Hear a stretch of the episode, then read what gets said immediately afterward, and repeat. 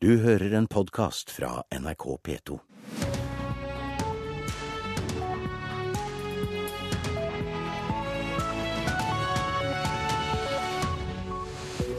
Nyhetsmorgen har altså mer om Emmy-prisen til Annike von der Lippe. Andre saker.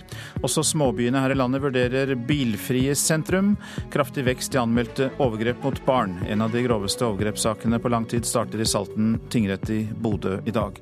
Og Høyesterett behandler i dag eh, et krav fra NRK om innsyn i en overvåkningsvideo fra Oslo legevakt, der en mann døde under eh, pågripelse. Her i studio, Øystein Heggen. Men som første norske skuespiller så fikk altså Annike von der Lippe i natt en av de internasjonale Emmy-prisene for sin rolle som lensmann Helen Sikkeland i NRK-serien Øyevitne. Og utdelingen foregikk i New York. And the international Emmy goes to Annika von der Lippe in Eyewitness. Og så var det klart. Annike von der Lippe hadde slått Brasils svar på Wenche Foss og en britisk prisbelønnet skuespiller.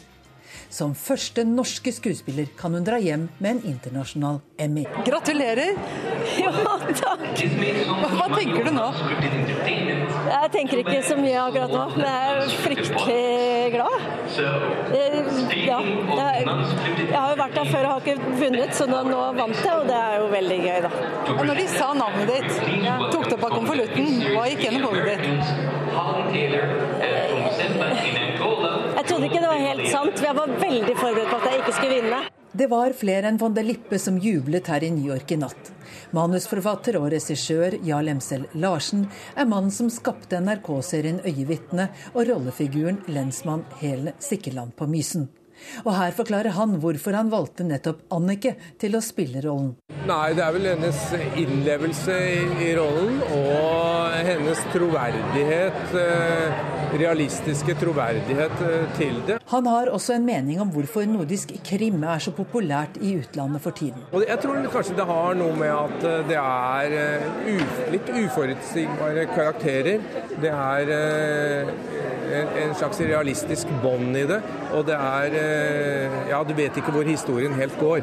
Og eh, jeg tror kanskje det er en, eh, en nøkkel. Annike selv sier hun kan tenke seg å ta oppdrag utenlands, men på helt kort sikt har hun andre planer. Hva skal du gjøre resten av natta? Unna må feste.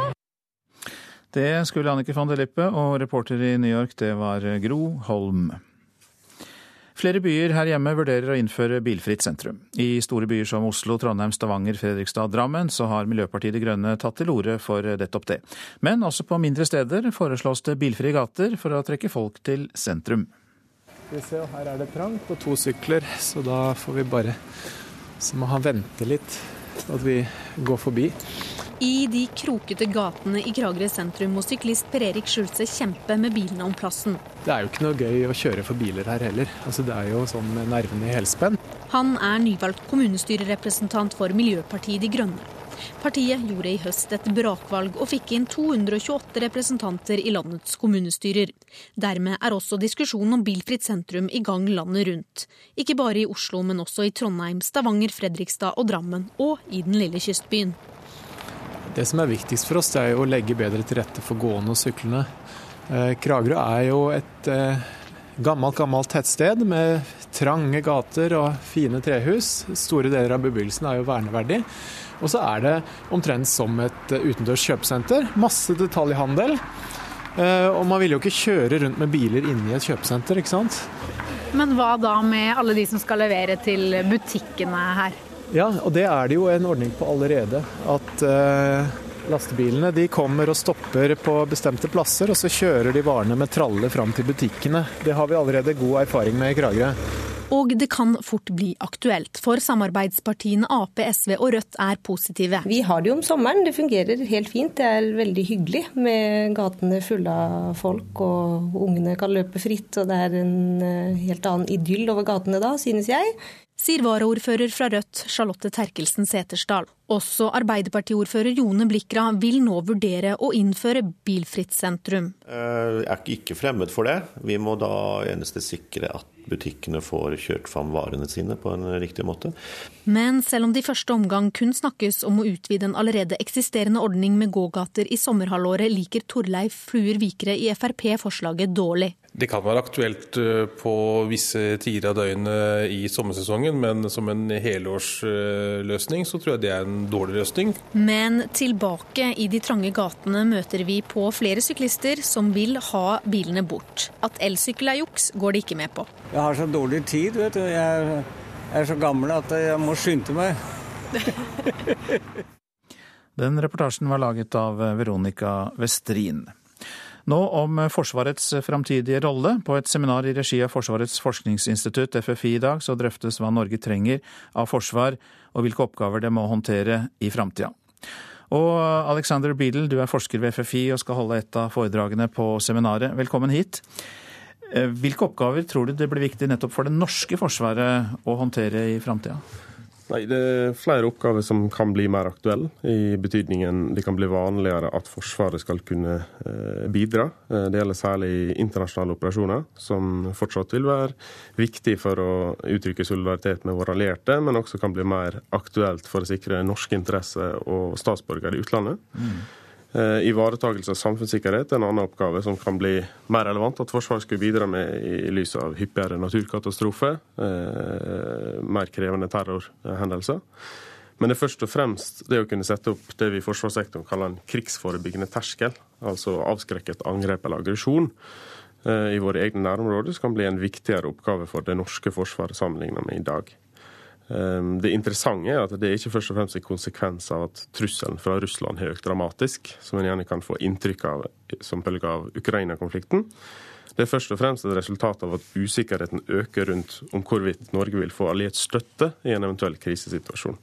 Og Det skjer som følge av helt andre utviklingstrekk, som ikke har så mye med Russland å gjøre. Det skjer bl.a. fordi USAs oppmerksomhet trekker mot Asia. Våre europeiske alliertes forsvar blir stadig mindre, og det er andre deler av Europa der trusselen fra Russland anses for å være størst. Som betyr at når nå når Nato trekker hjemover fra Afghanistan, skal fokusere på alliansens eh, sikkerhet, så betyr ikke det nødvendigvis hjem til våre nordområder. Hvorfor er slike framtidsstudier som dere driver nå, som skal presenteres i dag, så viktige for Forsvaret? Nei, I første omgang så er det det norske perspektivet. De siste åra er det kommet en rekke internasjonale framtidsstudier som ser på utviklingen i verden rundt, rundt den, sett fra et amerikansk perspektiv og britisk perspektiv. Den rapporten som vi skal presentere i dag, er den første som tar et norsk perspektiv på det. Det andre ligger i tidsperspektivet. Vi ser 15-25 år fram i tid. Mens tradisjonelle forsvarsstudier normalt ser et tiår framover og ser på tradisjonelle sikkerhetsutfordringer. Det gjør bl.a. at vi kan utfordre en del grunnleggende premiss som gjerne tas for gitt i Forsvarets egen langtidsplanlegging og FFIs egen støtte til det. F.eks. at Russland forblir den dominerende trusselen, at Nato forblir vår sikkerhetspolitiske garantist. Selv om det er usannsynlig at noen av de premissene vil endre seg, er det å tenke over konsekvensene kan lede til interessante funn. F.eks. at det er vanskelig å se for seg et nordisk eller europeisk alternativ til Nato-alliansen. At det vil utvikle seg uten at vi først vet at Nato ikke lenger er relevant, og da kan det være for seint. Til slutt så sier du også at det er viktig å tenke utenfor boksen. Har du et par eksempler på det? Ja, Et eksempel på det er nettopp å tenke på sånne usannsynlige hendelser som kan få store konsekvenser. Vi ser bl.a. på at Nato skulle bryte sammen, eller at Russland skulle kollapse. Men det å tenke utenfor boksen kan også bety å tenke på andre tema enn det vi normalt tenker på i forsvars- og sikkerhetspolitisk sammenheng. F.eks. konsekvensene av økt innvandring. De økonomiske og sikkerhetsmessige konsekvensene av innvandringen diskuteres mye om dagen, om enn ikke alltid på et forskningsbasert grunnlag. Men et aspekt som vi ser på, som jeg personlig syns er veldig interessant, er hva økt innvandring kan få å bety for befolkningens oppfatning av hva Forsvaret skal gjøre. Det er f.eks. ikke gitt at en befolkning med 30% personer med innvandrerbakgrunn, slik som SSB predikerer i 2060, vil ha den samme forståelsen av hvilke oppgaver skal være viktigst, når og hvor skal Forsvaret brukes, osv.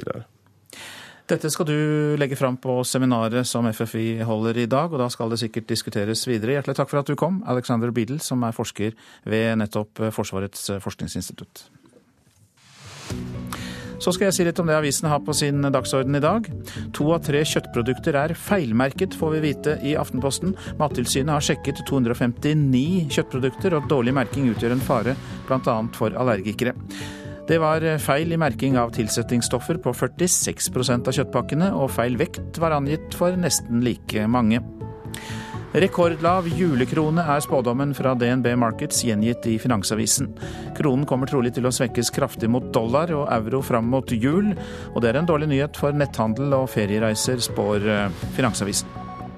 PST frykter høyreterror, skriver Klassekampen. Mens, mens, islamsk terror har rammet Paris og lammet Brussel, så advarer Politiets sikkerhetstjeneste og terrorforsker Tore Bjørgo mot økt fare for høyreekstrem vold i Norge. KrF og Venstre hindret milliardkutt i bistand, er oppslaget i Vårt Land. Generalsekretær i Kirkens Nødhjelp, Anne Marie Helland, sier hun er imponert over at sentrumspartiene partiene klarte å stanse de mest drastiske kuttforslagene i neste års bistandsbudsjett. Skistjernepar ble asylbaroner. Dagbladet forteller om idrettsutøverne Geir og Bente Skari, som investerte i eiendommer i Søndre Land og Sarpsborg, som nå er gjort om til asylmottak. Det var ikke planen å gjøre dem til akuttmottak, sier Geir Skari. Sånn sett var det ren bingo at vi kjøpte eiendommene. Det har vært et eventyr, tjener 140 millioner. Dagens Næringsliv forteller at søstrene og investorene Selina og Hermine Middelfart har fått høy avkastning på salget av teknologiselskapet Akano, som selger utstyr til videokonferanser. Null tro på Norge, men full tro på seg selv. Det viser Finans-Norges meningsmåling om nordmenns forventninger til neste år, gjengitt i VG. For første gang på over 20 år har nordmenn mindre tro på sitt lands økonomi enn EU-borgerne har, men nordmenn har fortsatt knalltro på egen lommebok. For første gang siden Tsjernobyl-ulykken i Sovjetunionen er sauene på Vestlandet uten radioaktivitet, kan vi lese i Bergens Tidende. Eksplosjonen ved atomkraftverket i det som nå er Ukraina, for snart 30 år siden førte til skyer med radioaktiv stråling, som ble ført med vinden mot Norge. Men nå er altså alle sauer som er testet på Vestlandet, under faregrensen for første gang. Ja, han er høyaktuell som landslagstrener for Danmark, men Åge Hareide har fokus på Malmö nå og de kommende mesterligakampene. I morgen er det storoppgjør når Paris Saint-Germain med Zlatan Ibrahimovic kommer på besøk. Og at Hareide har hatt en fin tid i den svenske klubben er det ingen tvil om. Egentlig så burde han kanskje inn på enda høyere nivå, sånn sett. Altså, for det, Malmö er en fantastisk plass å jobbe, og jeg, som sagt så jeg, jeg trener i Malmö, jeg er glad for det. 62-åringen bekreftet i forrige uke at han er en av kandidatene til å bli ny landslagstrener for Danmark, og flere danske medier har den siste tiden hevdet at Hareide er førstevalget. I går ble det også kjent at nordmannens tøffeste konkurrent om jobben, Mikael Laudrup, har takket nei. Malmö-spiller Jo Inge Berge mener Hareide takler ryktene om et mulig jobbskifte på best mulig måte. Han er, han er, veldig profesjonell og har vært med i det gamet her lenge. Så det er klart spekulasjoner kommer når du, når du gjør det så bra. Det gjelder om du er spiller eller trener. Hvis, eh, hvis en spiller hadde gjort det han hadde, hadde, gjort de siste årene, så er det klart det hadde blitt mye prat rundt, rundt han også. Så det, så det, er naturlig at det kommer. Men uh, han klarer nok å, å fokusere godt på de to siste kampene vi har igjen nå. Også klubbkollega i Malmö, Magnus Wolff Eikrem, er imponert over måten Hareide opptrer på. Han har vært veldig fokusert og bare Han har ikke sagt noe om det, i hvert fall. Og bare snakka om eh, PSG-kampen og hva vi skal gjøre der. Så det, det, er det vi fokuserer på. Vi kan ikke tenke på hypotetiske ting. Når en avklaring kommer, er foreløpig usikkert, men for Hareide er det én ting som gjelder. Tenker på å gjøre en så bra jobb som mulig til enhver tid. og Det er jo alltid sånn at det, i sånne situasjoner så er det viktig å kunne få å ha fokus på det jeg skal gjøre nå. Så lenge jeg trener i Malmö, så er det det som gjelder nå. Sa Åge Hareide, og reporter her var Hilde Liengen. Du lytter til Nyhetsmorgen, og der er klokka 6.47. Dette er hovedsaker. Som første norske skuespiller fikk Annike von de Lippe i natt den internasjonale Emmy-prisen for sin rolle som lensmann Sikkeland i NRK-serien Øyevitne. Utdelingen foregikk i New York. Flere byer vurderer bilfritt sentrum. Ikke bare storbyene her i landet, men også små byer diskuterer bilfrie gater. Og vi skal straks høre mer om de svært glatte veiene på Østlandet nå. Og de glatte veiene på Østlandet det eh, er forårsaket av underkjølt regn. Og vi har kontakt med deg, Viljar Valsø i Trafikkradioen. Ja, hvordan ser det ut på veiene? Ja, det er ikke så mye annet å si enn det vi har uh, hørt uh, så langt i dag. Det er varsla om veldig glatte veier på Østlandet som uh, følge av underkjørt regn. På E6 nordfra inn mot Oslo har nå et vogntog velta og sperra veien ved Berger i lengre tid. Statens vegvesen sier at trafikken går nå sakte i venstre felt i retning Oslo.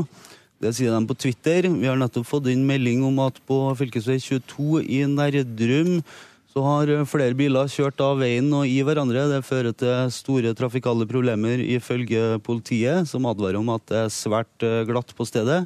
Også fra Buskerud og Telemark er det varsla om eh, meget eh, vanskelige kjøreforhold. Det samme har vi hørt fra sør i Hedmark. Så eh, kort sagt, oppfordringen er jo eh, som nevnt eh, tidligere i dag, å la bilen stå hvis du ikke må ut og kjøre. Vi har også fått beskjed om at eh, all eh, busstrafikk på Romerike er innstilt inntil videre som følge av de her kjøreforholdene. Takk skal du ha, Viljar Valsø i Trafikkradioen. Og vi har fått melding om at det til og med kan være vanskelig å holde seg på beina i dag. Men i hvert fall, bil er enda mer vrient, så ta toget, kanskje. Antall eh, overgrepssaker mot barn som blir meldt til politiet har økt kraftig i år. En mann i 50-årene som ble anmeldt i mars, må i dag møte i Salten tingrett i Bodø, tiltatt for, for seksuelle overgrep mot to døtre. Hun ser fram til rettssaken med spenning, og eh, hun eh, gleder seg til å bli ferdig med denne delen av saken. Finn Ove Smith er bistandsadvokat for den yngste av de to døtrene, som ifølge tiltalen skal ha blitt utsatt for seksuelle overgrep av sin egen far. Begge døtrene var i alderen fra 14 til 16 år da overgrepene starta. Fra saken ble anmeldt i mars, har familiefaren sittet i varetekt. Den tiltalte nordlendingen skal i tillegg over flere år ha utsatt sin tidligere samboer og døtrene for vold og trusler. Dette er jo en familie hvor, hvor da i hvert fall barna har jo levd under ganske spesielle forhold, som har i stor utstrekning preget dem i deres eh, livsutfoldelse. Eh, vi snakker om eh, forsinkelser i forhold til skolegang osv., og, så videre, og de er jo begge i ettertid også diagnostisert i forhold til dette. Overgrepssaken som starta i Salten tingrett i Bodø i dag, går parallelt med to andre store overgrepssaker som starta denne veka i Gjøvik og i Tromsø, hvor det òg handler om at barn skal ha blitt utsatt for seksuelle overgrep.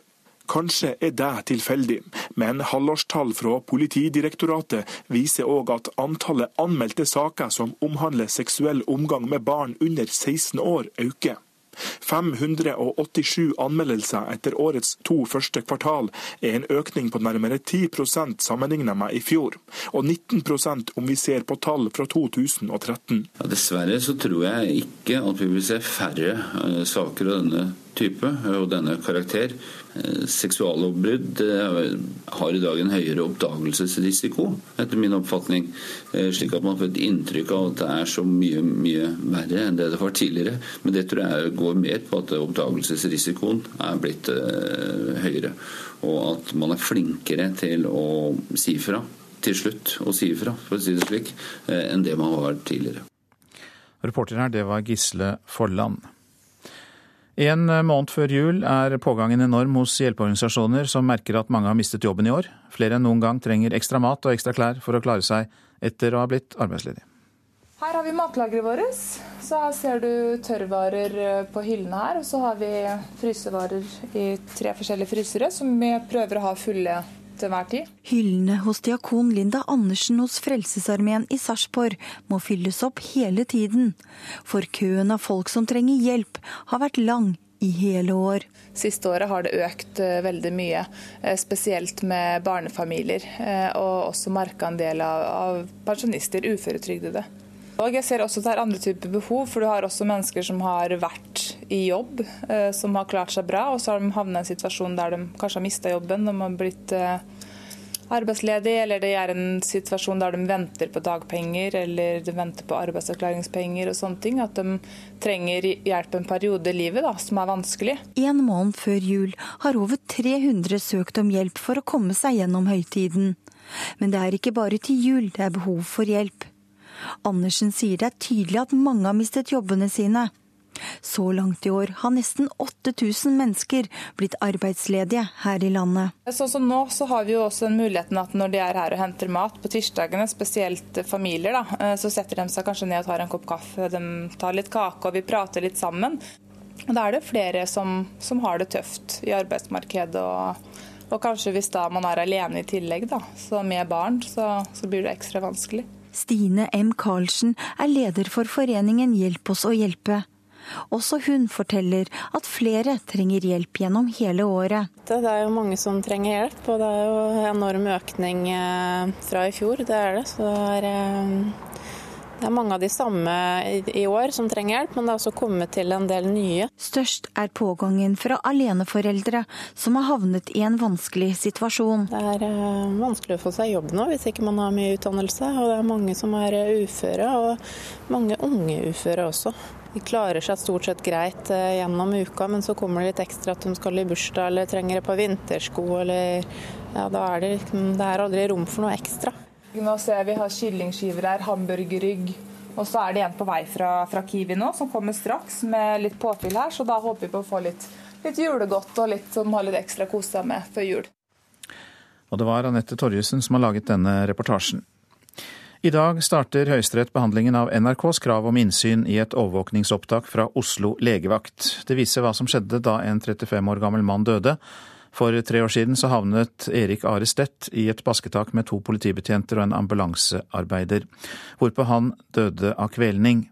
Foreldrene hans har sett opptaket og mener framstillingen av hendelsen fra politiet og påtalemyndigheten ikke er riktig, og at mediene bør få se videoen. Og så ser vi da etter en stund at bena til Are rister. Og det er antageligvis da han dør, men det viser seg at 58 sekunder tok det eh, før de slapp opp det grepet og begynte med gjenopplivning av han, men da var det for sent. En mann som Oslo-politiet pågrep i går kveld og så kjørte til legevakten, døde etter å ha blitt lagt i bakken inne på legevakten. Morgennytt på NRK november 2012. Spesialenheten for politisaker etterforsker nå saken. I dag, ganske nøyaktig tre år etter, ønsker Vivi og Erik Stedt at media skal få innsyn i videoopptaket, som viser at sønnen, 35 år gamle Erik Are Stett, dør av kvelning på legevakta i Oslo. Opptaket belyser viktige sider av saken, sier far Erik. Denne ambulansesjåføren Sjåføren setter ene kne i korsryggen mellom skulderbladene hans for å få enda hardere makt på det kyllinggrepet, så man da presser alt han kan i løpet av den tiden som varer da i ca. et minutt. Så, ja. Sønnen hadde diagnosen paranoid schizofreni og hadde gjentatte anfall der han var redd. Den besto i veldig ofte at han eh, innbilte seg at eh, IRA eller tyske soldater eller andre forfulgte han og skulle ta han. Og da ville han rømme. Foreldrene mener opptaket fra legevakta viser at sønnen er redd, men ikke truende. Politiet har derimot forklart at de følte seg trua av 35-åringen. Etter vår mening, etter å ha lest etterforskningsrapporten, så syns eh, vi at politikvinnene overdriver dramatikken i det hele for kanskje å frigi seg sjøl for litt uh, ansvar. Både Spesialenheten og Riksadvokaten henla saken, og media er blitt nekta innsyn i opptaket. NRK har tatt kravet om innsyn til tingretten og lagmannsretten og fått avslag.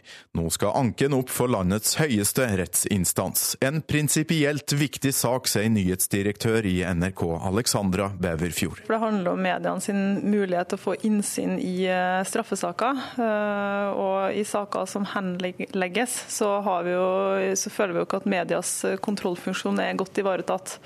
Altså det handler jo om samfunnets tillit til offentlige tjenestemenn, og hvilken maktutøvelse myndigheter kan tillate seg å ha i en pågripelsessituasjon. Vi mener jo at det er viktig at mediene har innsyn i denne type saker. Det er derfor vi går, går så langt med saken som vi gjør.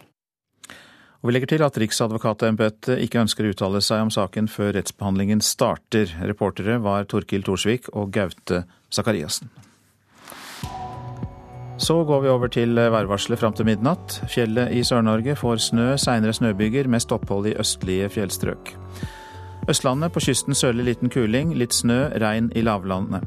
Regn fryser på bakken nå i morgentimene og fører til svært glatte veier. Etter hvert blir det oppholdsvær vest for Oslo og Mjøsa, men fortsatt regn i østlige områder. Så går vi til Telemark. Der blir det eh, snø. Overgang til regn i lavlandet etter hvert. I kveld vest, eh, stort sett oppholdsvær. Agder på kysten liten sørvestlig kuling og regn, snø over ca. 700 meter. I kveld overgang til byger i Vest-Agder og ellers oppholdsvær. Rogaland og Hordaland ser vi samlet, og det blir regnbyger i begge fylker. Snø over 800 meter. Sogn og Fjordane og Møre og Romsdal. Der blir det liten og sørvest kuling på kysten, men stiv kuling det blir det ved Stad og nordover. Regnbyger, snø over 800 meter der. Trøndelag oppe i stiv kuling utsatte steder, men stort sett oppholdsvær. Nordland sørvestlig stiv kuling utsatte steder. I Lofoten blir det sterk kuling.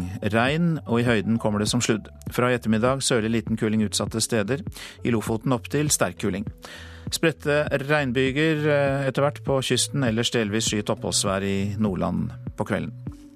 Så går vi til Troms. Først på dagen sørvestlig stiv kuling på kysten i vest, ellers liten kuling utsatte steder.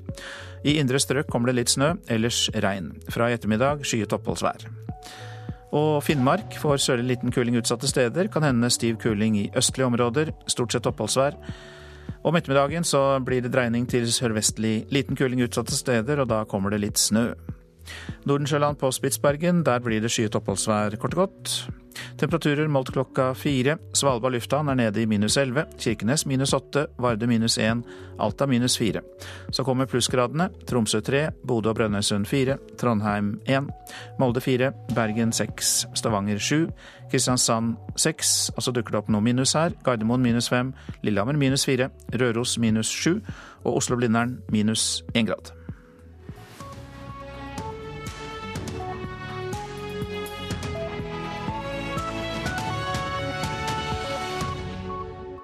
Du hører en podkast fra NRK P2. Og Nyhetsmorgen fortsetter vi med disse sakene. Billig programvare gir hackere bedre mulighet til dataangrep på norske selskaper, sier Nasjonal sikkerhetsmyndighet. Rettssaken etter overgrepene i en barnehage i Tromsø starter i dag. 30-åring tiltalt for overgrep mot 17 barn. Regjeringspartiene svelger avgiftsøkninger i milliardklassen for å få en avtale om statsbudsjettet med KrF og Venstre. Og vi skal høre at menn mangler gavetrening før jul. Ja, programmer kan brukes, som kan brukes til dataangrep mot selskaper og etater, selges for et par dollar på et undergrunnsforum på internett. Nasjonal sikkerhetsmyndighet overvåker slike forum for å vite hva slags angrep som kan komme mot norske selskaper. Billig hackerprogramvare gjør at personer uten kompetanse kan angripe norske selskaper, sier Hans Christian Preterius, avdelingsdirektør i NSM. Og Det er jo dette da, en av de markedsplassene som vi eh, følger med på. Det er et undergrunnsforum på internett. Et slags finn.no for de med uærlige hensikter. Eh, og Her ser du at akkurat nå så er det 527 ulike software- og malware-pakker til salgs. Man kommer inn her hvis man laster ned en spesial nettleser og vet hvilke nettsider man skal søke opp.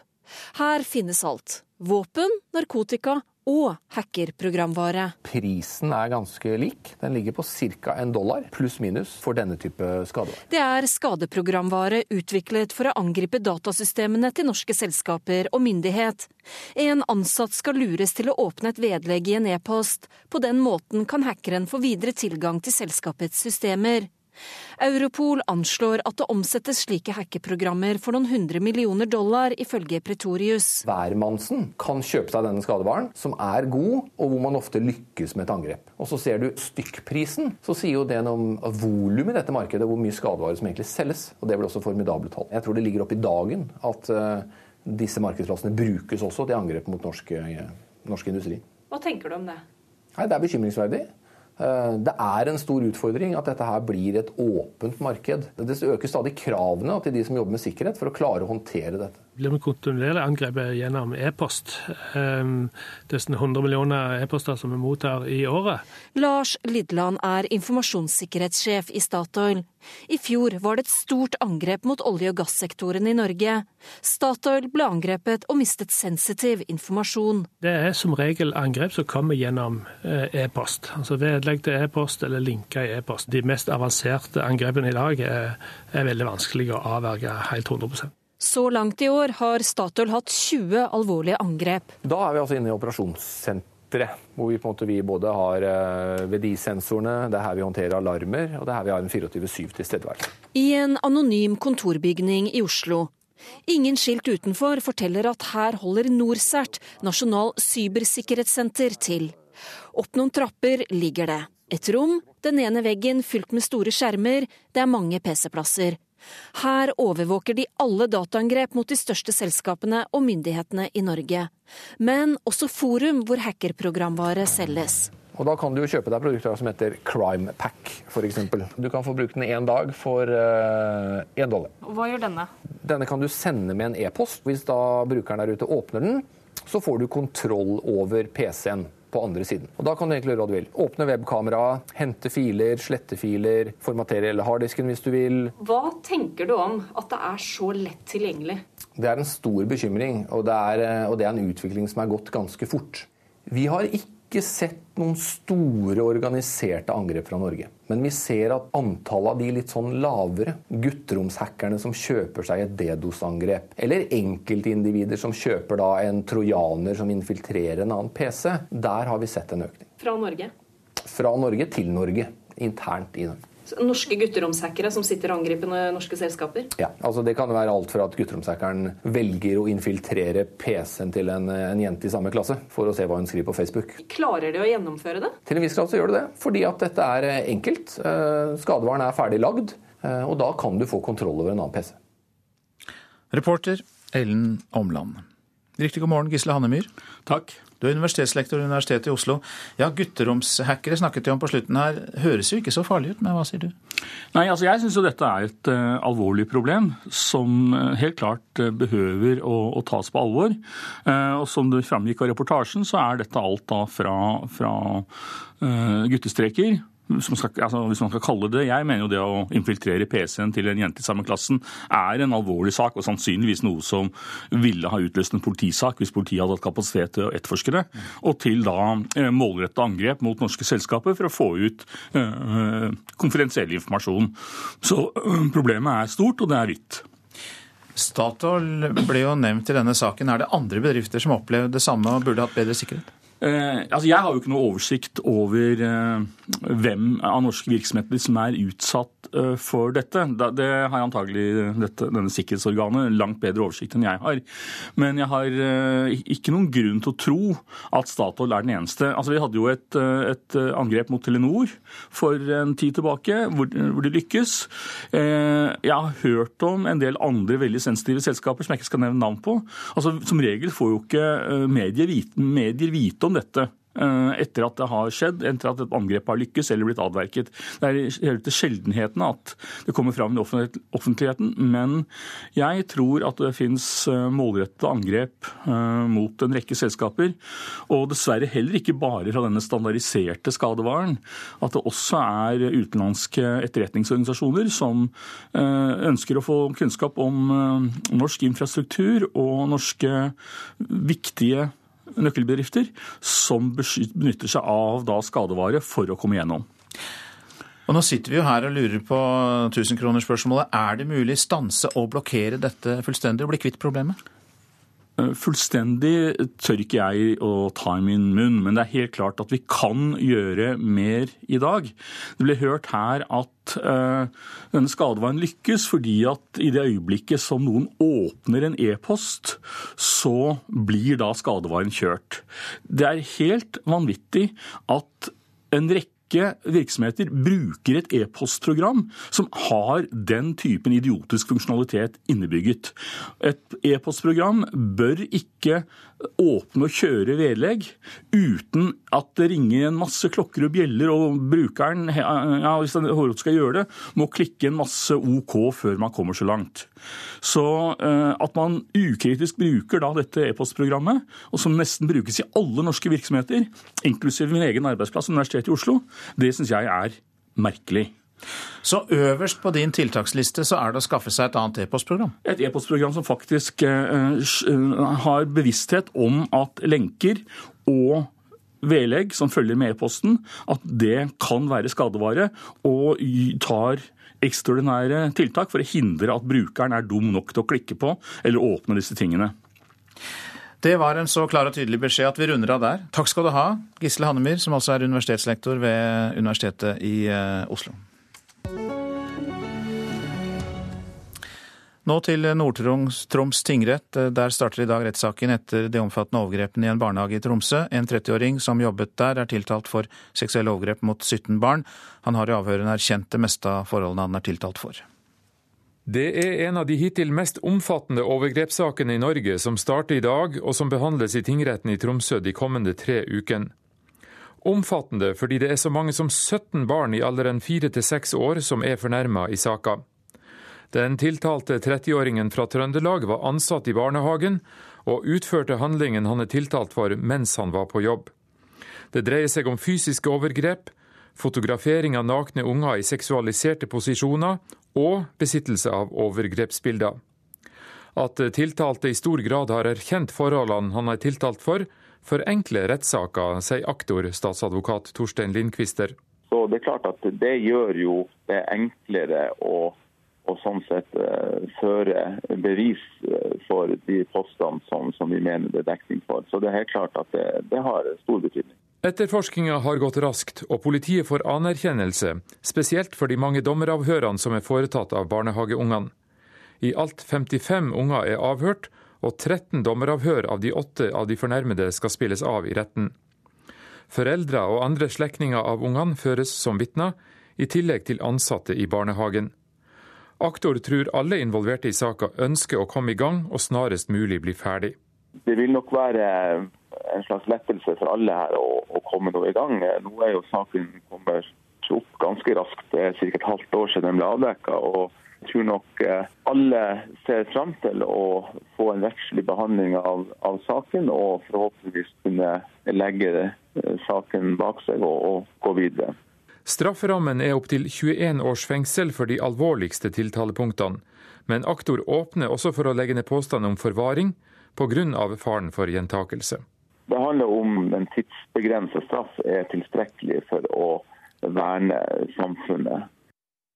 Aktor Torstein Lindqvister og reporter i Tromsø Sveinung Åsali. Og det har ikke lykkes NRK å få tak i forsvarerne, men til VG så sier Anja Støbakk Bjørsvik at eh, tiltalte ser fram til at saken skal avsluttes. Dette er Nyhetsmorgen, og klokka den nærmer seg 7.14. Dette er hovedsaker. Som første norske skuespiller fikk Annike von der Lippe i natt en av de internasjonale Emmy-prisene for sin rolle som lensmann Sikkeland i NRK-serien Øyevitne. Utdelingen foregikk i New York. Det er svært glatte veier på Østlandet. Politiet i Oslo, Akershus, Follo og Østfold ber folk kjøre forsiktig. Ifølge Meteorologisk institutt er årsaken underkjølt regn. Billig programvare gjør, eh, gir hackere bedre mulighet til dataangrep mot norske selskaper, sier Nasjonal sikkerhetsmyndighet. De fleste bedrifter i Norge bruker et e-postprogram som de snarest bør bytte ut for å sikre seg bedre. Det sa dataekspert og universitetslektor Gisle Hannemyr i Nyhetsmorgen nettopp. Ja, samarbeidspartiene måtte strekke seg for å bli enige om statsbudsjettet på Stortinget i går. Hans Andreas Limi måtte gå med på mange nye miljøtiltak i budsjettet for å skaffe inndekning for egne Frp-hjertesaker. Men eh, det er ikke særlig morsomt å innføre en ny flyavgift, sier eh, finanspolitisk talsmann i Frp. Nei, det er ikke noe Fremskrittspartiet er glad i. Men, eh, men, det er en nødvendig del av en inndekning og en, eh, på en måte det som man er opptatt av med de grønne avgiftene. Så, men Fremskrittspartiet skulle helst vært det foruten. Men for å få til en eh, avtale, så måtte vi legge inn noe på det grønne. Fremskrittspartiet og Hans Andreas Limi hadde lovet landets pensjonister kjøpekraftforbedring.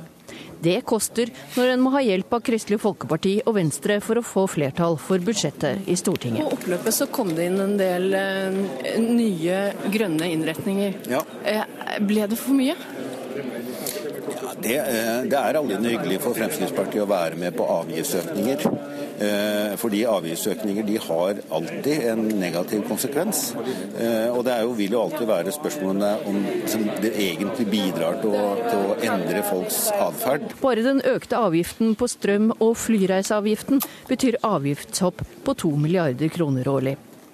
Høyres Svein Flåtten har vært med på mange politiske handler i Stortinget, og var i går kveld mest fornøyd med at landet fikk et budsjett for neste år. Men for å få til det her, så må dere bl.a. øke avgiftene på grønn elektrisk strøm. Ja, det gjør vi. Men eh, nå skal vi være klar over at eh, strøm er eh, rimelig i dette landet. Og kraftprisene er jo langt, langt unna det de var f.eks. For, for ti år siden. Nå legger ikke vi på det for å plage folk, men sett i en helhet så syns jeg det er en fornuftig inndekning som vi fullt ut tar ansvar for. For å ta avgiftene først, Er det nødvendig å plage folk med økt flyseteavgift og eh, mer skatt på strøm? Ja, men dette gjør vi jo en kombinasjon med å senke inntektsskatten. Sant? Nå hadde regjeringen i utgangspunktet senka den, og så har vi i forhandlingene senka den ytterligere. Så nå kan du kan si helt avhengig av hvor mye du flyr, så er det samla skatte- og avgiftsopplegget tilnærmet et nullsumsspill. Terje Breivik har ført finansforhandlingene for Venstre, og har jobbet særlig hardt for å vri budsjettet i grønn retning. Eh, nei, Det har jo sammenheng med at eh, her er det flere partier som skal prøve å samle. Dette er svært viktig for Venstre, og kanskje ikke like viktig for for alle andre inn i det rommet. Regjeringens samarbeidsparti i budsjettet får pepper fra opposisjonen, finanspolitisk talsperson Marianne Martinsen, for å øke avgiftene på ren norsk strøm. Ja, vi ser jo at de legger kraftig på elavgiften, eh, og kaller det for en del av et grønt skifte. Jeg syns det er litt merkelig, fordi det er en avgift i all hovedsak på norsk vannkraft som ikke har utslipp. Aps Marianne Martinsen til reporter Hedvig Bjørgum. Og For å vurdere budsjettavtalen så er du kommet, politisk kommentator i NRK, Magnus Takvam. Og Hvor vanskelig var det for Frp å godta disse avgiftsøkningene? Nei, De satt langt inne. Frp er ikke glad i avgiftsøkninger. Det har det blitt konflikt av før. Og mine kolleger i nrk.no har funnet fram en del sitater som, som, viser at man møter seg selv litt i døra. Da SV f.eks. For foreslo en tilsvarende flyseteavgift i 2010, så var det såkalt et bevis på den rød-grønne skattekåtheten, het det fra Frp den gang. Men nå hadde man altså ikke noe valg for å dekke inn budsjettet. Og Når det gjelder miljøeffekten av flyseteavgift, så er den også ganske diskutabel, fordi den tilhører kvotepliktig sektor, som det heter. Så reduksjoner i utslipp i fly eh, et sted eh, gir rett til utslipp, eh, økt utslipp et annet sted. Så det var ikke enkelt. Så, så, sånn sett går det opp i opp, ja. ja. Men så kunne en vel da ikke greid å finansiere FrPs hjertesaker uten å gå med på dette her? da? Nei, og det er klart at når f.eks.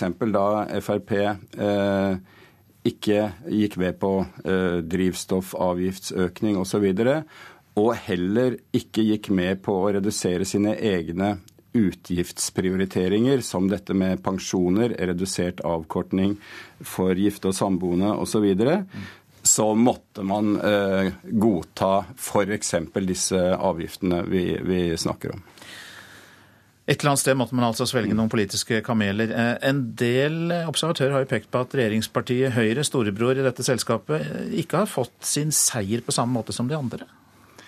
Altså, ja, Høyre er styringspartiet og var opptatt av å få budsjettet i havn og et styringsgrunnlag. Eh, man har vel, eh, hvis man er litt grei med Høyre, beholdt eh, de næringslivsrelevante skattelettene, selskapsskatt eh, osv. Men det er klart, dilemmaet for Erna Solberg er at dette er en skjør allianse. Man kunne ha tenkt seg at hun hadde stått enda hardere på for å, for å dempe kravene på, på begge fløyer i, i, alliansen.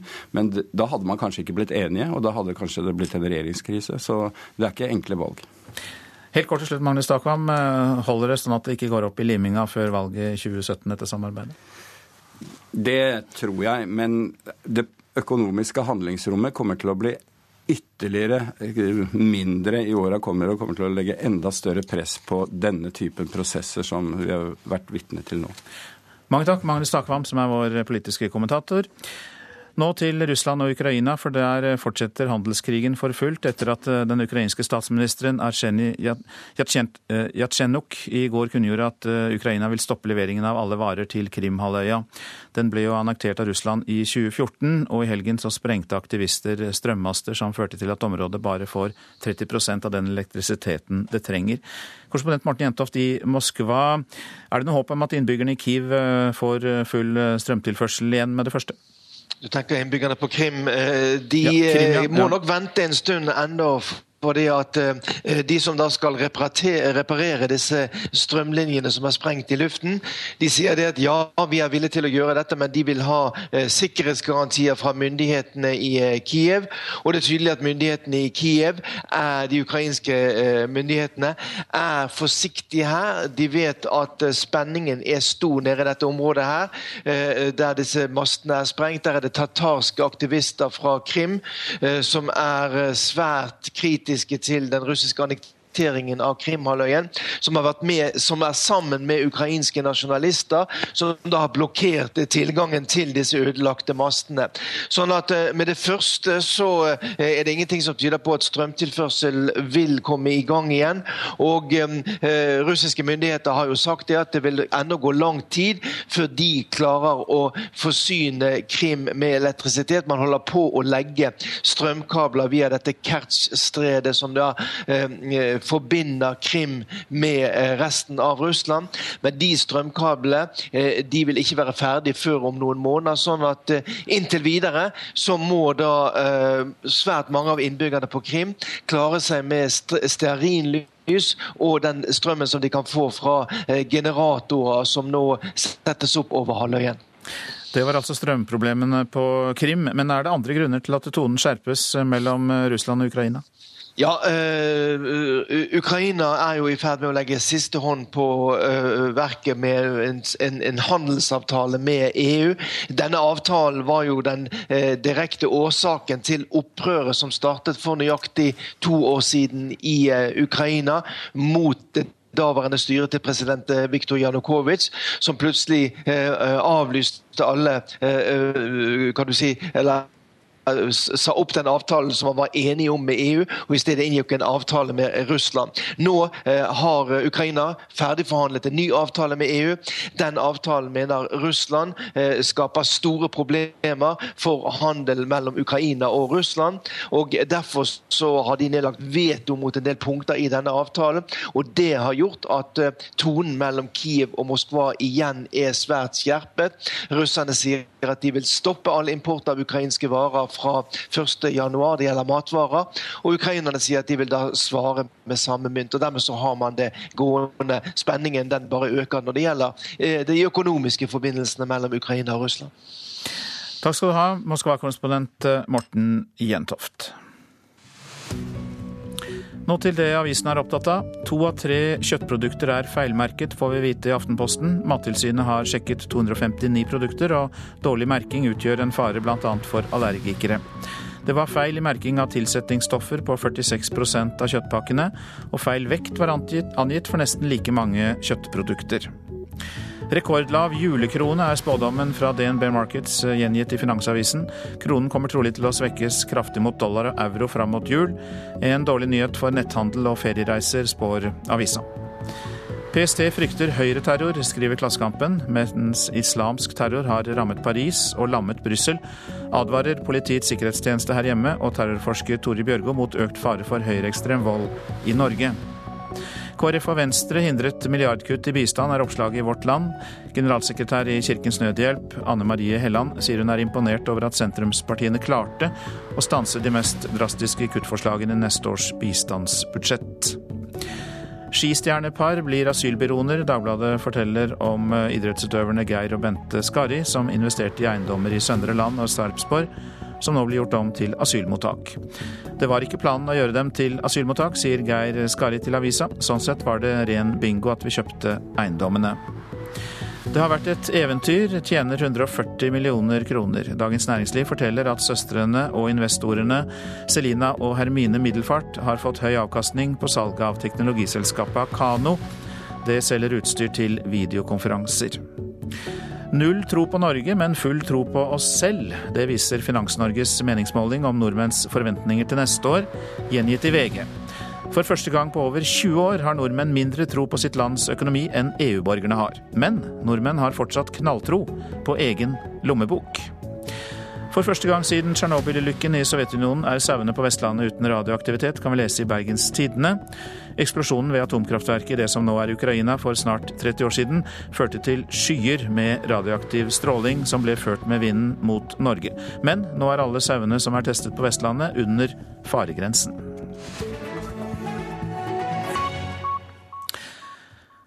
Er du mann, så er risikoen stor for at du opplever julegavehandelen som et sant mareritt. Grunnen er at menn mangler trening, altså trening i å kjøpe gaver, ifølge sosiolog Anita Borch. Handler ikke til jul. Du handler ikke til jul i det hele tatt? Jeg bare er med og betaler. De godt voksne herrene jeg møter på kafeen er skjønt enige. Julegavehandelen står andre for. Men er det ingen av dere som på en måte har eh, gjennomført julehandelen eh, aleine? Nei, det er noen få ganger i livet mitt, tror jeg, som jeg har gjort det. Ja, Og det glemmer du aldri? Nei, det, det, sitter i meg, ja, det gjør det. Og det er liksom et sånt stress, syns jeg, å finne på noe, da. Bestandig. Der er nok eh, damene mye flinkere enn oss. Og de får støtte fra forskningshold. Men mangler rett og slett trening i å handle gaver, ifølge sosiolog Anita Borch ved Statens institutt for forbruksforskning. Når vi fødes som, som gutt og jente, så er det også sånn at jenter i større grad enn gutter trenes opp til å bli gode gavekjøpere fra, fra tidlig av. Uh, mens gutter mangler den kompetansen og føler, og føler en sterk avmaktsfølelse i, i gavekjøpssituasjonen. Og kvinnene de er temmelig nådeløse i sin dom over mennenes shoppingegenskaper. Ja, nå for tida så er jo mannen min vanligvis med når vi er ute og handler, da, men det var jo ikke sånn før. Ja, du, øh, måtte du tvinge ham med, eller? Nei, ikke nå. Men øh, det var ei jul som jeg da brakk øh, ankelen ei uke før jul. Og da ble det jo litt krise i heimen, ja. kan du si. For da Hva gjør vi nå, hvem skal ordne det, og hvem skal ordne det? Ja, Men klarte han jobben? Jeg hadde jo to voksne barn, da. Så de måtte ta julehandelen? Ja, de tok det som var. Både ribbe og pakker. Okay. Når det handler om eh, jula, så er det jo det at god jul, eller ideell jul, det er tradisjonell jul. Og Det betyr at vi gjør stort sett det vi pleier å gjøre. Og I den tradisjonelle jula ligger det også ideer, tradisjonelle, det tradisjonelle kjønnsrollemønsteret, en del av dette. da. Sånn, om vi ellers i året prøver i hvert fall så godt vi kan å praktisere et mer egalitært kjønnsrollemønster, så, så, er det kanskje ikke slik i jula. Da er det klarere enn ellers i, i året. Syns du dette er rettferdig? Altså, bør det være likestilling når det gjelder julehandel? Ja, jeg er ikke for likestilling, jeg. Nei. Jeg er for kjønnsdelt eh, arbeidsliv. Ja. Mannen min tjener pengene, og jeg bruker dem. Det er veldig grei ordning. Men det finnes håp om en likere fordeling av shoppingbyrdene. Dette er jo ting som muligens er i endring. da. Det er mulig at vi får en ny generasjon menn som, som mestrer dette bedre enn eh, eldre generasjoners menn. Du kjøper til kona? Ja, det kan hende. Mm. Men da, da er det bestemt. Da, da veit du Ja, har du fått beskjed? da har du fått beskjed. De sier klart ifra hva de ønsker seg, og det er veldig greit. Det er noe dritt å komme med noe de ikke liker. Noe shoppingen. Vi har ikke noe shopping-gen, nei. nei. Jeg tror det er det som mangler. Og denne reportasjen fra julehandelen var laget av Jan Erik Viltil. Produsent for Nyhetsmorgen, Vidar Eidhammer. Her i studio, Øystein Heggen. Vestlig etterretning har undervurdert den islamske staten, sier italiensk terrorekspert. Hør mer om det i reportasjen etter Dagsnytt.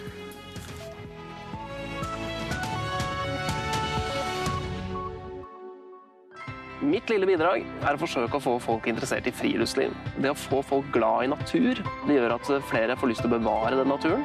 Alle som bidrar på en positiv og aktiv måte til en bedre verden, er alltid inspirasjon for meg. Om 50 år håper jeg at eh, planeten vår er et enda bedre sted å være. De som mener at eh, enkeltmenneskets innsats ikke har noen påvirkningskraft, de lytter ikke jeg til. Det er viktig å ta vare på miljøet fordi det er liksom jorda vår. Hva skjer med klimaet på jorda vår?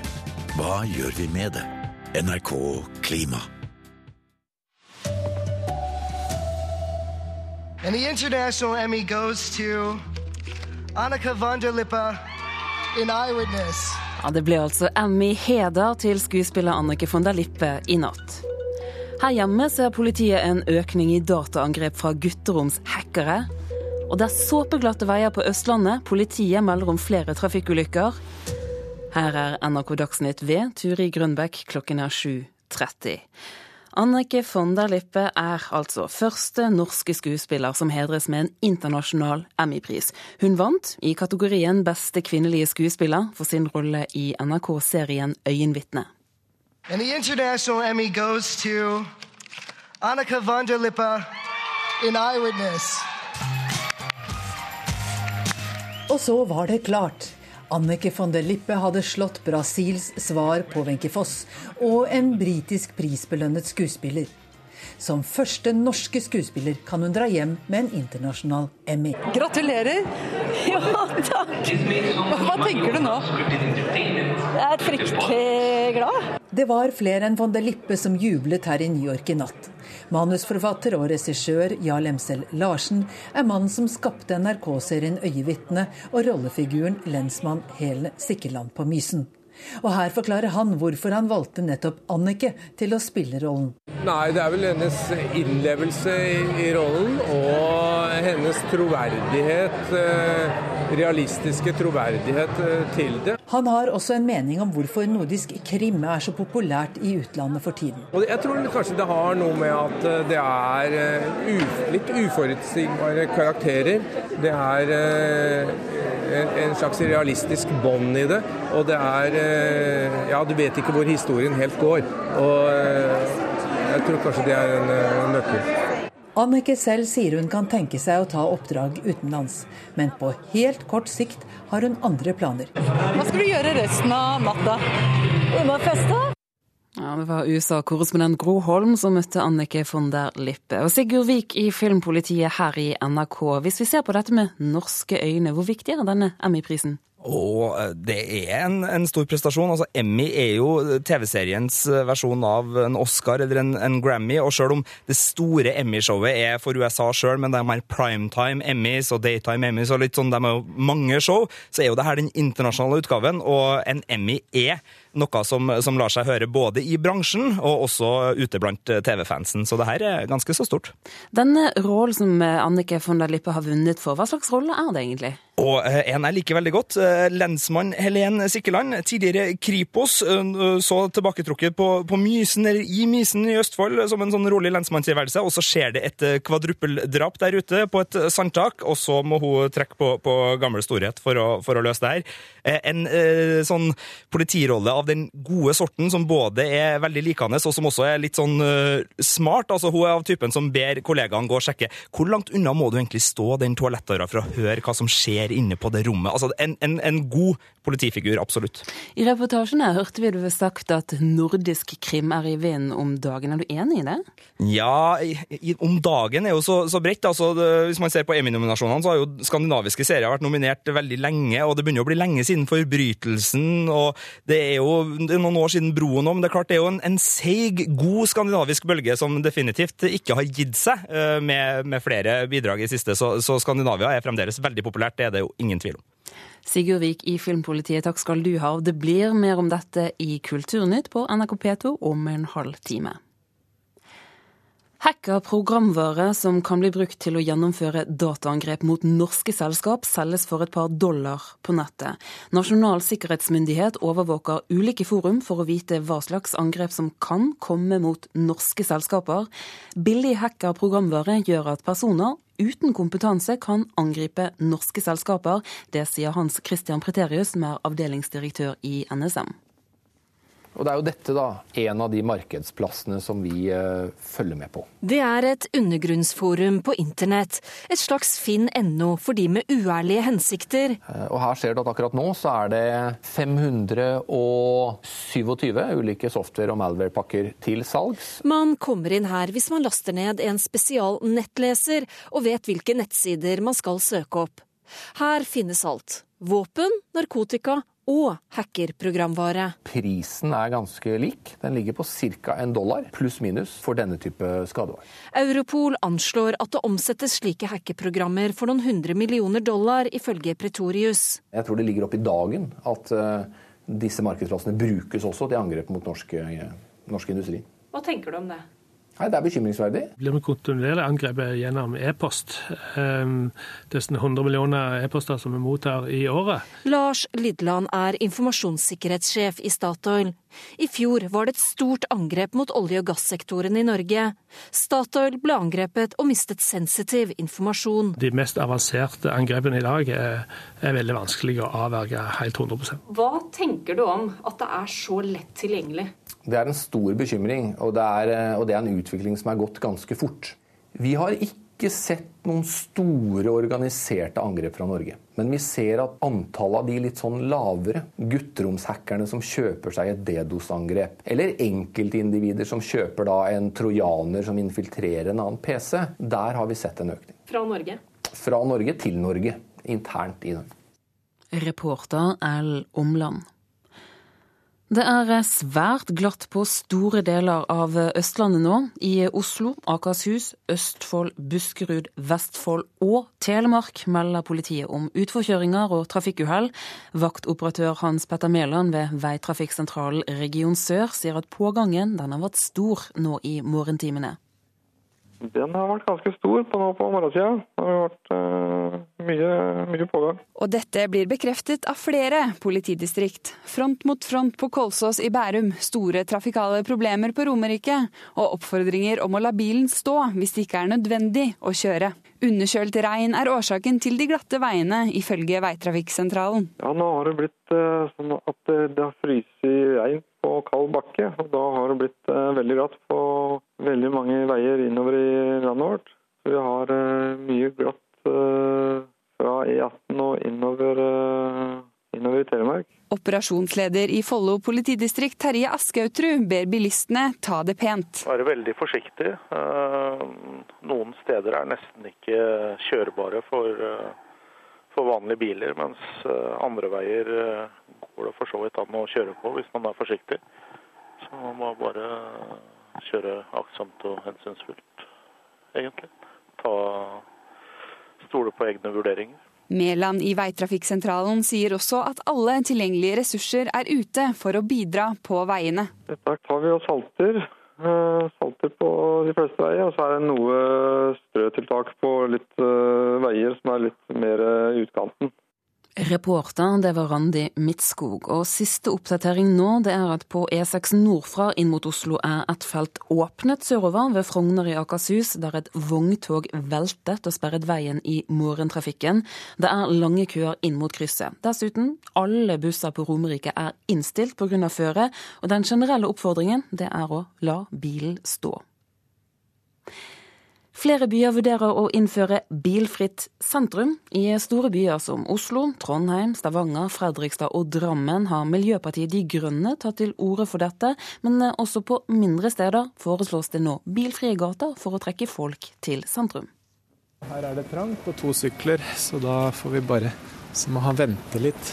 I de krokete gatene i Kragerø sentrum må syklist Per Erik Skjulse kjempe med bilene om plassen. Det er jo ikke noe gøy å kjøre for biler her heller. Altså, det er jo sånn nervene i helspenn.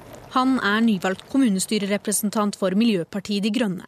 Partiet gjorde i høst et brakvalg og fikk inn 228 representanter i landets kommunestyrer. Dermed er også diskusjonen om bilfritt sentrum i gang landet rundt. Ikke bare i Oslo, men også i Trondheim, Stavanger, Fredrikstad og Drammen, og i den lille kystbyen. Det som er viktigst for oss, det er jo å legge bedre til rette for gående og syklende. Men hva da med alle de som skal levere til butikkene her?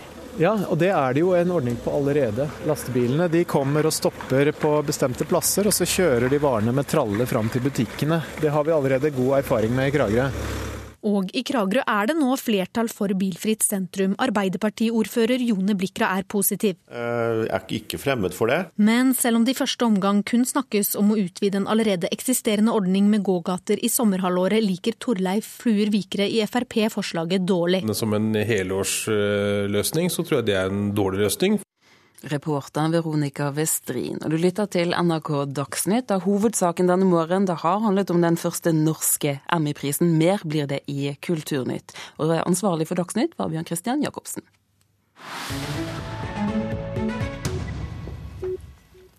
Du lytter til Nyhetsmorgen. Vestlig etterretnings vurderinger av den islamske staten IS er det største feiltrinnet E-tjenesten har gjort siden andre verdenskrig.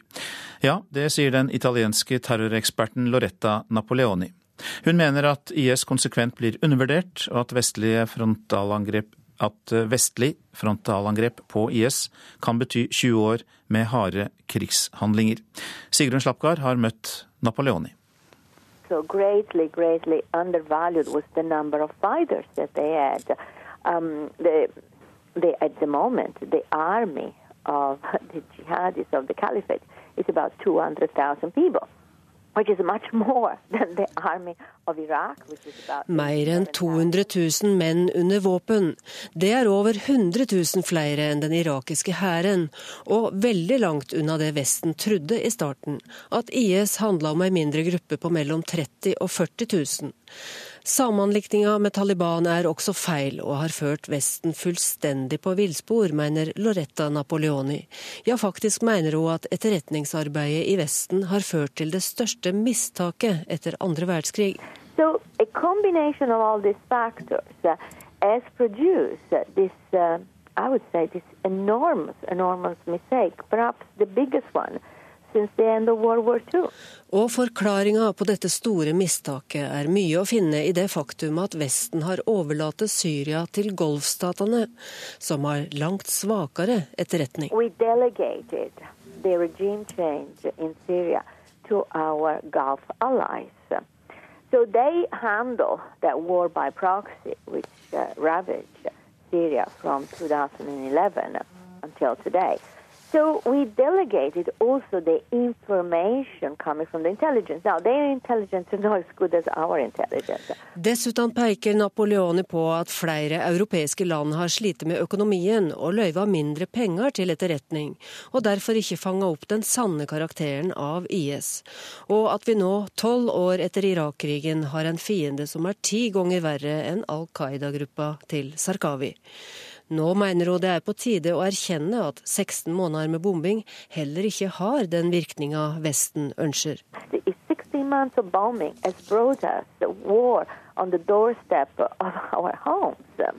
Clearly, clearly. Bombinga har ført krigen hjem til oss, mener hun. Napoleoni vet det er kontroversielt, men ser ingen annen løsning enn å anerkjenne at IS er en stat. De må få sin plass, og sjøl om det ikke nytter å forhandle med IS nå, bør en starte dialog med lokale klanleirer i IS-kontrollerte områder. En må tenke utenfor boksen, som hun sier. Tenke nytt. We have to think um, outside the box. We have to find an to degrade this monster, but not for sure bombing, because you know so far is much stronger. The territory that the caliphate controls today is bigger than the one he controlled before um, the bombing campaign started. We're killing civilians. So I think the military option is not going to give us good results in the long term.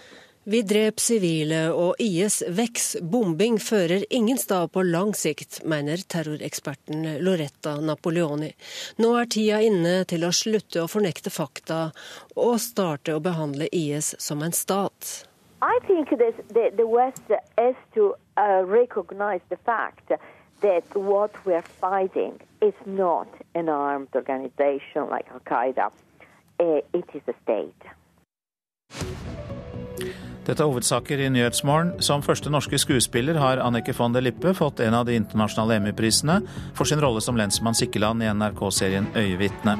Utdelingen foregikk i New York i natt. Flere byer vurderer å innføre bilfritt sentrum. Ikke bare i de store byene, men også på mindre steder foreslås det nå bilfrie gater for å trekke folk til sentrum. Billig programvare gir hackere bedre mulighet til dataangrep på norske selskaper, sier Nasjonal sikkerhetsmyndighet. Mange bedrifter bruker et e-postprogram som de snarest bør bytte ut for å sikre seg bedre, sier dataekspert Gisle Hannemyr. Og det er svært glatte veier på Østlandet. Politiet i Oslo, Akershus, Follo og Østfold ber folk om å kjøre forsiktig. Ifølge Meteorologisk institutt er årsaken underkjølt regn. Og programleder for Politisk kvarter, det er Fredrik Solvang, og det starter nå.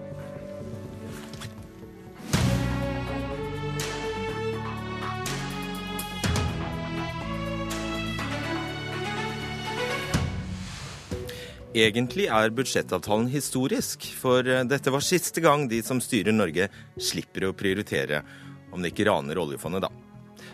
Fra nå av blir alt verre. Riktig god morgen, dette er Politisk kvarter. Jeg heter Fredrik Solvang. På hengende håret greide de fire borgerlige musketerer i går å skrape sammen 9,5 milliarder kroner til flyktningutgiftene, uten at det gikk utover noen spesielt. Men det er antakelig aller siste gang de kan gjøre det. Neste gang det kommer en flyktningregning på bordet, og den kommer, må regjeringen og støttepartiene faktisk prioritere.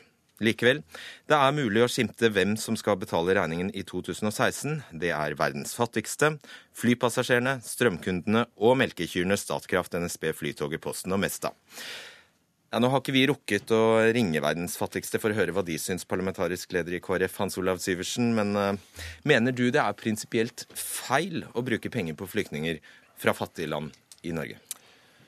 Jeg mener i hvert fall at den pengebruken bør begrenses. Men uh, det er også en utfordring, og den tror jeg blir større for mange land, at det internasjonale regelverket er slik at man kan på en måte oppfylle bistandsprosenten ved å bruke penger på flyktninger i eget land. Og jeg er ganske sikker på at den eh, debatten kommer til å gå videre, for Norge gjør det i meget beskjeden grad sammenlignet nå med svært mange andre land. Og summen av dette er jo at eh, bistanden til de fattigste landene for neste år fra mange land vil gå eh, mye ned. Og det igjen kan jo øke migrasjon og antall flyktninger. Så den, eh, det prinsipielle spørsmålet du tar opp der, det er viktig, og det tror jeg kommer på dagsordenen ja, mer og mer Svaret fremover. ditt var noe sånt som at det ja, ikke er prinsipielt feil? Jeg skulle gjerne unngått det, greit, men jeg er også fornøyd med, med, den profilen vi har fått på det. For det betyr bl.a. at de frivillige organisasjonene som gjør en meget stor jobb i mange land, og med gode resultater, de kan fortsette i 2016 som i 2015. Men mer prinsipielt feil enn at dere bruker 1,7 milliarder av bistandspengene på flyktninger i Norge, var det ikke? Vi må erkjenne at vi kom ikke der at vi kunne si at det ikke skulle gå en krone, men sånn har nok alle regjeringer også måttet eh, kalkulere i ulike krevende situasjoner.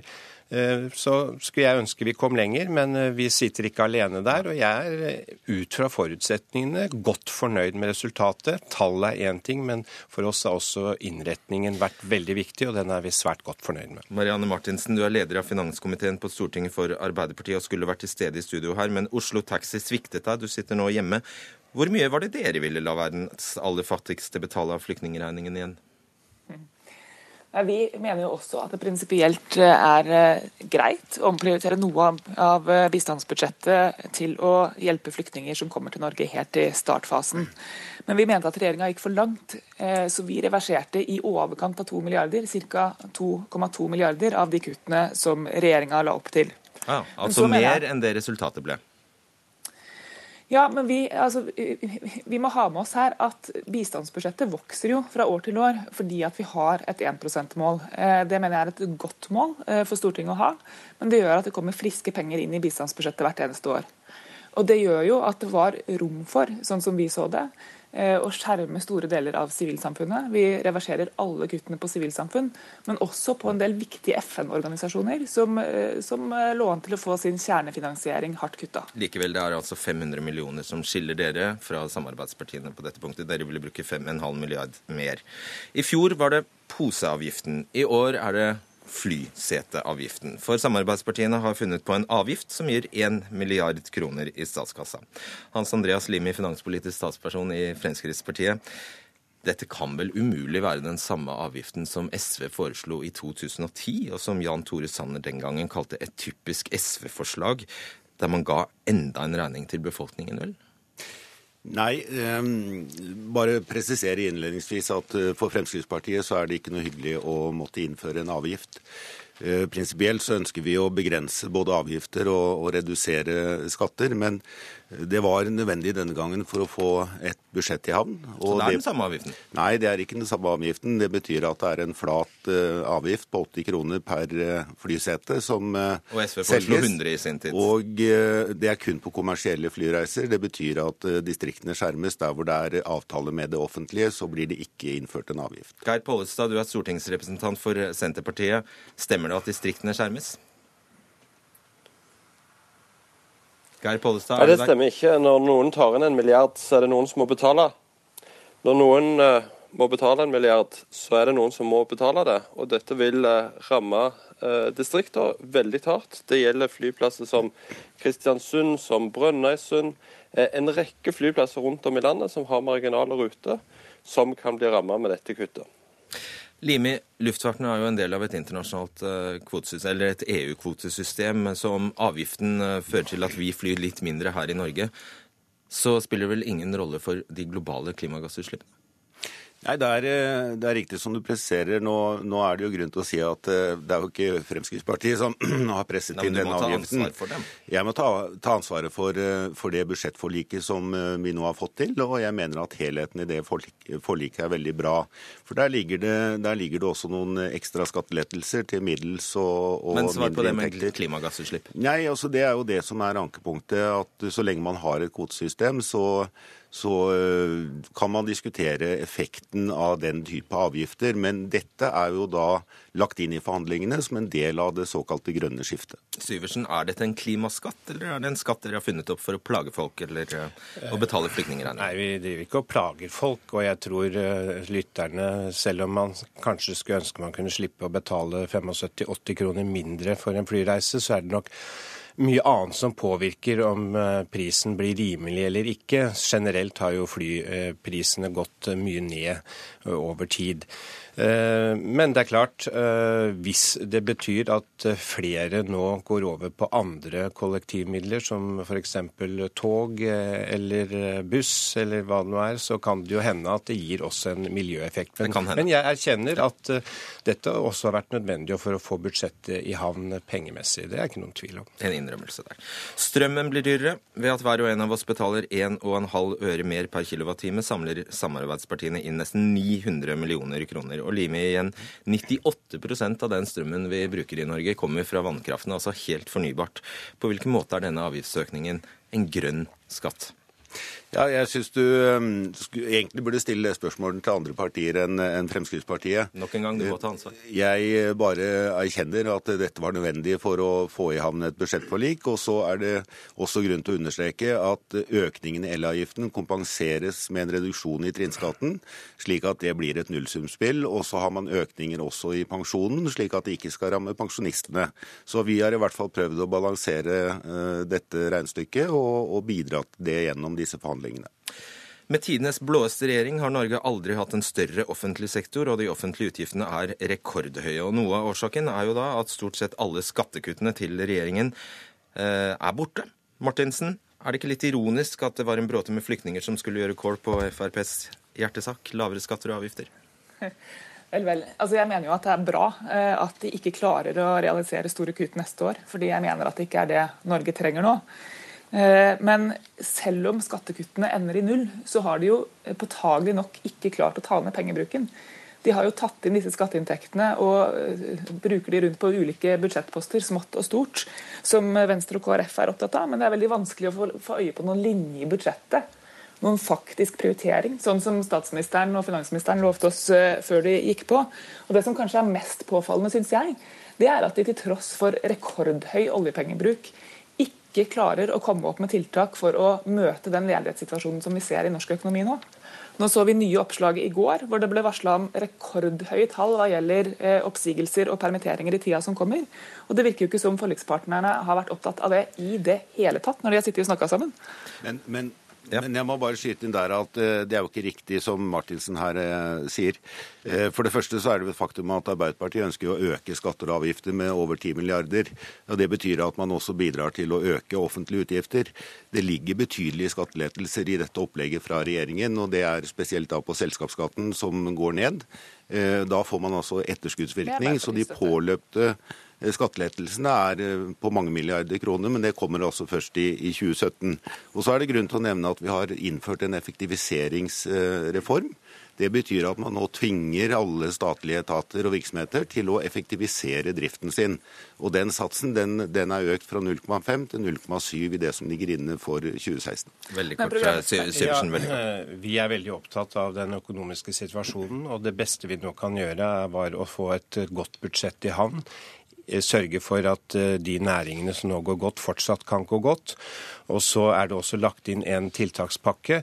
og det kan jeg forsikre om at alle de fire partiene vil følge den utviklingen meget nøye og sette inn tiltak dersom det er ytterligere behov for det. Og vi er veldig opptatt av å sikre norsk økonomi både kortsiktig, men også legge inn langsiktig, hvor det er rekordsatsing på f.eks. For forskning, høyere utdanning. Vi har nå fått inn såkornfond. Eh, så jeg vil avvise at ikke vi er opptatt av det, for det har vi virkelig brukt tid på. Men fra neste år må dere gjøre noe dere er skikkelig dårlig på. Dere må prioritere. Og for oljepengebruken Politikken må ned. Og flyktningregningen har spist opp stort sett hele handlingsrommet på statsbudsjettet. Syversen igjen. Da var det vel kanskje ikke så smart å binde opp nye milliarder på hyggelige, men dyre og evige tiltak som 4000 kroner til minstepensjonistene, gratis SFO og kjernetid i barnehagene? Eh, når det gjelder de enslige minstepensjonistene, så er det snakk om de som kanskje har dårligst råd i dette landet. Og dette er også en, eh, en, gruppe som fases ut i den forstand at det er det gamle pensjonssystemet. Så det er ikke sånn at du lager en generasjon med, med utgifter. Men jeg forsvarer iherdig at det var et riktig grep. Så er det klart, den økonomiske situasjonen vil kreve prioriteringer, eh, og vi har da ikke i dette forliket, det er noe som gjerne kaller visse partier utgiftspartier, vi har ikke økt oljepengebruken. Det syns vi eh, i hvert fall skal tas med i dette og regnestykket. Og Limi, veldig kort, dere har altså svidd av 3 milliarder kroner på å begunstige de pensjonistene som har det aller best fra før. Nei, Det er for å, å sikre en større likebehandling av pensjonistene og, og, endre på en veldig urettferdig diskriminering. Men som jeg også understreker at det er gjort knalltøffe prioriteringer i dette budsjettet. Og det aller viktigste nå, som Fremskrittspartiet mener alle bør bidra til, det er å få eh, kraftige innstramningstiltak på flyktning- og asylområdet. fordi hvis vi ikke får kontroll på den situasjonen, ja, så spiser vi opp hele handlingsrommet i fremtidige budsjetter, og det kan vi ikke risikere. Magnus Takvam, politisk kommentator. Småbarnsfamiliene fikk jo da noen hundrelapper i skattekutt med regjeringens forslag til statsbudsjett, men med diverse avgiftsøkninger og mindre skattefradrag på boliglån, så er vel disse hundrelappene spist opp for lengst? Ja, Det går omtrent i null, som eh, Limi var inne på. Men for eh, familier med store boliglån så er det klart at eh, reduksjonen i satsene gjør at enkelte av dem vil komme dårligere ut. Dette opplegget de fire har mellom seg, altså flere runder med forhandlinger, det er jo knapt noen som husker de store prioriteringene i statsbudsjettet nå på samferdsel og forskning og helse. Hadde det vært billigere om landet hadde hatt en annen en firepartiregjering?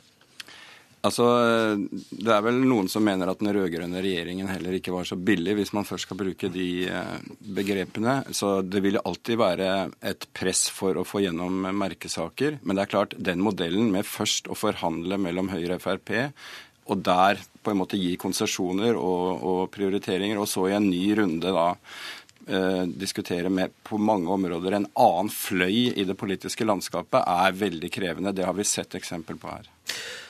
Var dette aller siste gangen de kunne unngå å reelt kutte noe for å prioritere eller heise noe annet? Altså det strenge økonomer ville si, er at det er betenkelig å finansiere langsiktige utgiftsprioriteringer som kommer hvert år med ett års inntekt og inndekning. Altså at du tar kortsiktig inndekning på langsiktige utgifter. Det er klart, i lengden går ikke det. Men og handlingsrommet kommer til å bli mindre, og presset for å finne bedre løsninger kommer til å bli større. Men våre naboer, f.eks. Sverige, løste det ved å uh, ta opp mer lån. Man kan bruke mer oljepenger. Men som sagt, det blir enda krevende, mer krevende øvelser med de, de utfordringene vi har på flyktninger og, og, og fallende oljepris osv. 6 milliarder av 1245 milliarder klarte altså sentrumspartiene å flytte på. Nå sitter, og så sitter de der og fordeler 1 million til Lyse, Lysbuen museum i Telemark og en halv million til Institutt for sjelesorg på Modum. Ikke rart det tar lang tid? Det kan du si. Men eh, demokratiet har en pris, det er klart. Og eh, alle partier må skal vi si, få prioritere og profilere sine saker. Jeg tror ikke de utgiftene er det som, som bringer Norge på randen av konkurs. Men det er viktig for dem det gjelder. Helt sikkert veldig viktig for dem det gjelder. Tusen takk skal eh, dere ha. Dette politiske kvarteret er over. I Fredrik var Fredrik Nå skal du høre, det er tidlig. I studio var Fredrik Solvang.